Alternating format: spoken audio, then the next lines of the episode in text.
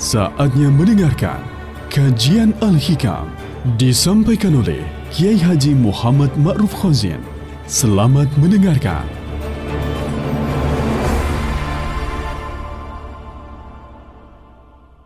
Assalamualaikum warahmatullahi wabarakatuh. Alhamdulillah wassalatu wassalamu ala Rasulillah Sayyidina Muhammad ibn Abdullah wa ala alihi mawalah La hawla wa la quwata illa billah amma ba'd Mitra Muslim yang dirahmati oleh Allah Alhamdulillah dalam kesekian kalinya bersama saya Muhammad Ma'ruf Khazin kita melanjutkan kajian-kajian dari kitab yang penuh dengan untayan mutiara merupakan sebuah karya dari ulama besar di abad pertengahan yaitu Imam Ibnu Athaillah As-Sakandari. Mitra Muslim, kali ini kita akan melanjutkan kajian kitab hikam ini pada sebuah makalah ataupun kata bijak kata mutiara yang ke-18 yaitu ma aradat himmatu salikin an takifa indama kushibalaha illa wa nadathu hawatiful haqiqah alladhi tatlubu amamak.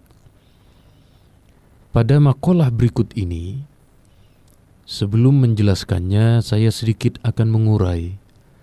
Pada intinya kita yang hidup di dunia ini, tiada lain tujuan kita adalah mencari ridho Allah, mencari pahala dalam beribadah, mencari dalam banyak hal, pada intinya adalah kebaikan-kebaikan. Kemudian, jangan pernah ada kata berhenti.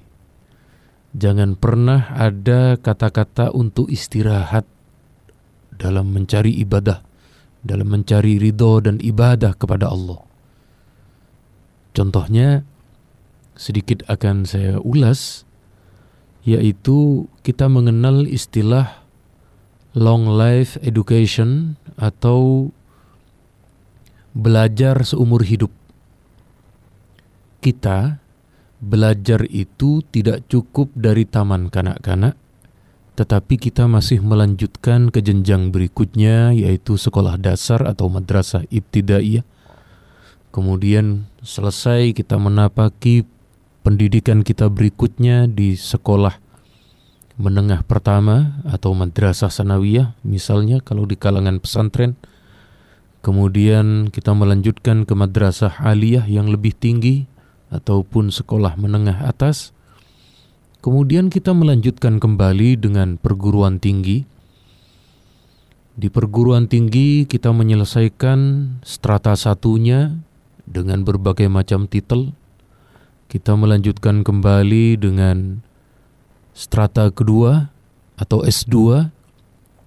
Kemudian kita pun menapaki yang tertinggi misalnya yaitu S3, strata 3 yang kemudian akan meraih gelar doktor PhD kalau dari luar dan lain sebagainya. Maka pendidikan itu tidak cukup berhenti saat kita belajar di meja formal. Akan tetapi setelah itu kita tetap terus-menerus membaca, tetap terus-menerus mempelajari, menelaah, belajar baik dari berbagai disiplin ilmu, dari banyak guru, dari banyak ulama, dari banyak kiai, dari sahabat, dari orang-orang baik yang memang kita kenal keilmuannya. Ini artinya kita tidak berhenti pada satu ilmu dan terus menerus. Makanya sekali lagi la yashba'u alimun min ilmin. Orang berilmu itu tidak akan pernah puas, tidak akan pernah berhenti dahaganya untuk selalu mencari ilmu berikutnya. Nah, sekali lagi, dari satu contoh ini, ketika kita sudah selesai dalam pendidikan keilmuan, kita terus menerus menapaki ilmu untuk mendapat ilmu dengan sebanyak-banyaknya dengan bisa kita manfaatkan sebaik-baiknya kepada masyarakat kita, kepada keluarga, bahkan kepada diri kita sendiri. Jadi sekali lagi inilah salah satu contoh bahwa untuk mencari ilmu itu tidak hanya berhenti dalam pendidikan formal, dalam bangku kuliah, dalam pendidikan yang memang seolah ada waktunya, ada masanya tetapi justru di dalam seumur hidup kita ini, kita gunakan untuk mencari ilmu sebanyak-banyaknya. Maka demikian halnya ketika kemudian kita berada di dalam kehidupan dunia ini, kita tidak boleh kemudian terhenti untuk mencari ridho Allah. Jangan kemudian, ah, saya sudah 20 tahun ini beribadah terus, Coba sejenak saya istirahat, tidak perlu ibadah setahun. Jangan pernah. Jangan pernah terbersit kata-kata seperti itu. Jangan pernah keluar kata-kata sekecil itu. Jangankan kata-kata merupakan seruan dalam hati pun jangan sampai keluar dari hati kita. Atau misalnya, saya sudah tua, saya sudah capek beribadah, pingin saya refreshing melakukan dosa ini itu naudzubillah. Jangan, jangan pernah sekali lagi seperti itu. Sebab kenapa? Sebab sekali lagi ketika kita hidup ini secara perlahan kita tapaki kehidupan sehari demi sehari, jam demi jam sampai kemudian kita menjelang di masa tua. Sekali lagi, tapakan ini ataupun anak tangga ini itu akan kita lewati untuk kemudian kita mencapai ridho Allah terbesar. Apa ridho Allah yang terbesar itu? Yaitu dijelaskan di dalam beberapa ayat misalnya faman zuhziha 'anil nari wa jannata faqad faz. Barang siapa yang dijauhkan oleh Allah dari neraka dan dimasukkan ke dalam surga, maka itulah orang-orang yang sebenarnya beruntung, sebenarnya bahagia, yang kemudian meraih ridho Allah, mendapatkan rahmat Allah, dimasukkan ke dalam surganya, dan dijauhkan dari neraka dan siksa api nerakanya. Mitra Muslim yang dirahmati oleh Allah, jadi sekali lagi, tiada henti bagi kita, tiada waktu yang kemudian kita gunakan untuk istirahat, untuk berhenti sejenak, tanpa kita isi dengan mencari ridho, dengan mencari pahala, dengan mencari ibadah yang sekali lagi ini akan kita terima kelak di dalam akhirat. Kemudian, wala tabarrajat zawahirul mukawwanat illa wanadathu haqa'iquha innama nahnu fitnatun fala takfur ketika kemudian kita akan melihat hal-hal yang seolah menjadi hambatan bagi kita untuk kita lewati, maka di situ sebenarnya kita sedang diuji. Kita sedang mendapat ujian, kita sedang mendapat cobaan, bahwa di dalam perjalanan hidup kita, kalau kemudian dia merasa sudah tercukupi, dia sudah merasa perlu berhenti, maka sekali lagi itu adalah ujian dan itu adalah musibah. Ayat ini yaitu innama nahnu fitnatun fala takfur adalah sebuah ayat yang kita jelaskan terlebih dahulu. Sebuah ayat yang oleh Allah diturunkan kepada umatnya Nabi Sulaiman alaihi salatu wassalam saat itu ada sekelompok manusia ada sekelompok manusia di zaman Nabi Nabi Sulaiman ini yang kemudian menggeluti ilmu sihir, menggeluti ilmu yang kemudian di sana berbau mistik, berbau khayal dan lain sebagainya.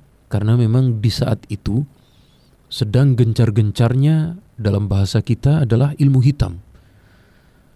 Maka mukjizat yang dianugerahkan oleh Allah kepada Nabi Sulaiman juga yang setara dengan yang terjadi pada kaumnya. Jadi kita sedikit melebar penjelasan.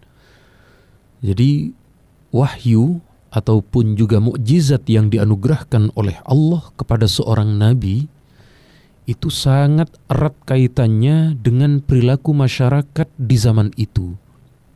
Kita tahu di zaman Rasulullah yang namanya sastra Arab sedang mengalami perkembangan pesat-pesatnya.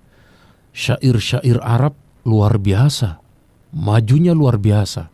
Meskipun dari sisi agama mereka jahiliyah. Tetapi sekali lagi dalam ilmu sastra Arab saat itu sudah mulai memiliki kemajuan yang pesat, maka Allah wahyukan mukjizat kepada Rasulullah Nabi kita berupa Al-Quran yang isinya kesastraan yang terkandung di dalam Al-Quran jauh mengalahkan ilmu sastra yang dimiliki oleh orang-orang Arab yang menentang kepada Rasulullah Sallallahu Alaihi Wasallam. Nah, yang terjadi di masanya Nabi Sulaiman ini adalah ilmu ilmu hitam atau ilmu sihir. Demikian halnya yang terjadi pada masanya Nabi Musa ketika berhadapan dengan orang-orang orang-orang di masanya Fir'aun itu, maka Allah membekali Nabi Musa berupa mukjizat yang mukjizat itu lebih tinggi daripada sihir, mengalahkan terhadap sihir-sihirnya. Nah, Kembali ke ayat ini, innama nahnu fitnatun fala takfur. Jadi dulu Allah kemudian menurunkan dua malaikat yaitu Harut dan Marut dan beliau berdua ini dua malaikat ini wa ma yu'allimani min ahadin hatta yaqula innama nahnu fitnatun fala takfur kedua malaikat ini tidaklah mengajarkan kepada mereka yaitu yu'allimunan nasa sihra. Mereka kedua malaikat ini tidak mengajarkan sihir kepada umat atau umatnya Nabi Sulaiman ini sampai mereka mengatakan innama nahnu fitnatun fala takfur kami ini malaikat ini yang turun oleh Allah ke dunia di masanya Nabi Sulaiman hanyalah sebagai ujian bagi kalian, maka kalian jangan kufur. Nah, kaitannya dengan kita kali ini dalam kajian kitab hikam kali ini ketika kemudian kita menghadapi beberapa hal di dalam hidup kita ini kita selalu mendapatkan ujian dan cobaan. Nah, ini sedikit perlu kita luruskan dan kita sudah mengetahui dari beberapa pakar tafsir kita kata-kata fitnah dalam bahasa Arab dengan bahasa Indonesia berbeda. Kalau fitnah itu menyampaikan dari orang lain sesuatu yang tidak ada dalam dirinya. Itu dalam bahasa Indonesia disebut fitnah. Tetapi kalau di dalam bahasa Arab ini bukan fitnah namanya, tetapi bohong. Menyebarkan berita bohong kalau sekarang tren berita hoax, tulisannya hoax memang, tapi bacanya hoax.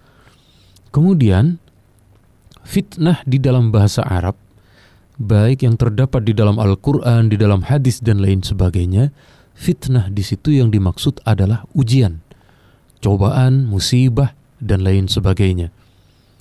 Wattaku fitnatan la tusibanna alladhina zalamu minkum khassah misalnya dan takutlah kalian terhadap satu fitnah. Satu fitnah di sini maksudnya adalah ujian yang tidak hanya oleh Allah ditimpakan kepada orang-orang yang zolim saja, tetapi orang yang tidak zolim juga akan kena imbasnya. Orang-orang soleh juga kena imbasnya. Jadi sekali lagi, yang dimaksud fitnah di sini adalah berkenaan dengan ujian, bukan memberitakan kepada orang lain dengan kebohongan. Mitra Muslim yang dirahmati oleh Allah, setelah pariwara berikut ini kita akan melanjutkan sesi kedua dari kajian Kitab Hikam. Selamat mengikuti. Baru saja anda mendengarkan kajian Al-Hikam disampaikan oleh Kiai Haji Muhammad Ma'ruf Khozien. Terima kasih anda telah mendengarkan.